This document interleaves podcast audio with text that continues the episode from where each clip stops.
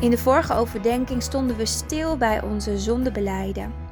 En ook in deze overdenking wil ik stilstaan bij reiniging en heiliging.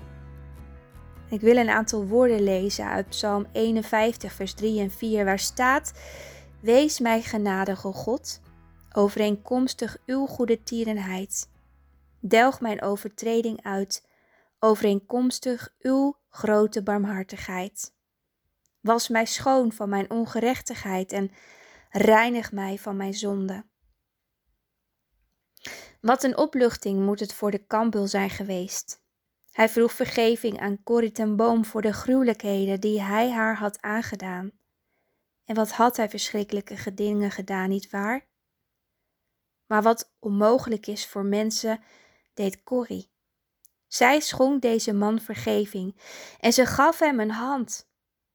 Daarmee kreeg Corrie niet haar omgekomen familie terug, maar ze zette wel een stap in vrijheid, want haar wrok maakte plaats voor verdriet.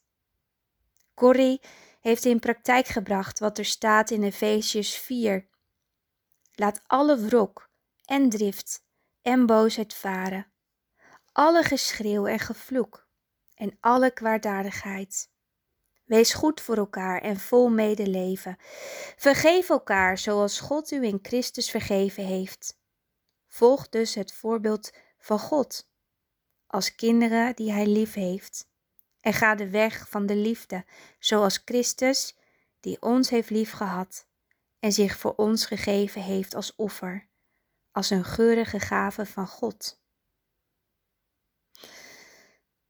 Maar niet alleen Corrie was een geloofsheld, broers en zussen, ook de kambul heeft een heldendaad verricht.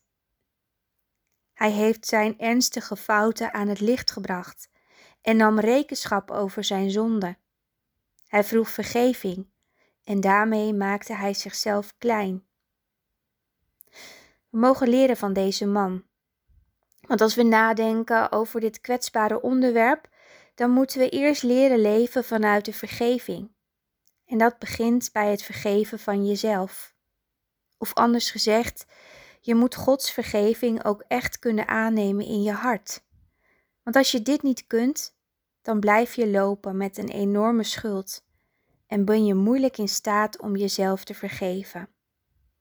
En dan is vergeving schenken aan anderen ook een moeilijke zaak. Wie van u zonder zonde is, laat die als eerste de steen op haar werpen zegt Jezus in Johannes 8, vers 7. Bedenk dat je niet de enige bent die fouten maakt. Maar als je weet dat Jezus jou heeft vergeven, dan lukt het je om verantwoordelijkheid te nemen over gedane fouten, hoe groot die ook waren. Ik wil afsluiten met een aantal woorden uit een opwekkingslied. Daar staat Maak mij rein voor u, als gelouterd goud en zuiver zilver. Laat mij zijn voor u, als gelouterd goud, puur goud. Dwars door het vuur maakt u mij rein en puur. Ik strek mij uit, Jezus, naar meer van uw geest en uw heiligheid. Ja, ik besluit, Jezus, een dienstknecht te zijn van U, mijn Meester, steeds tot uw wil bereid.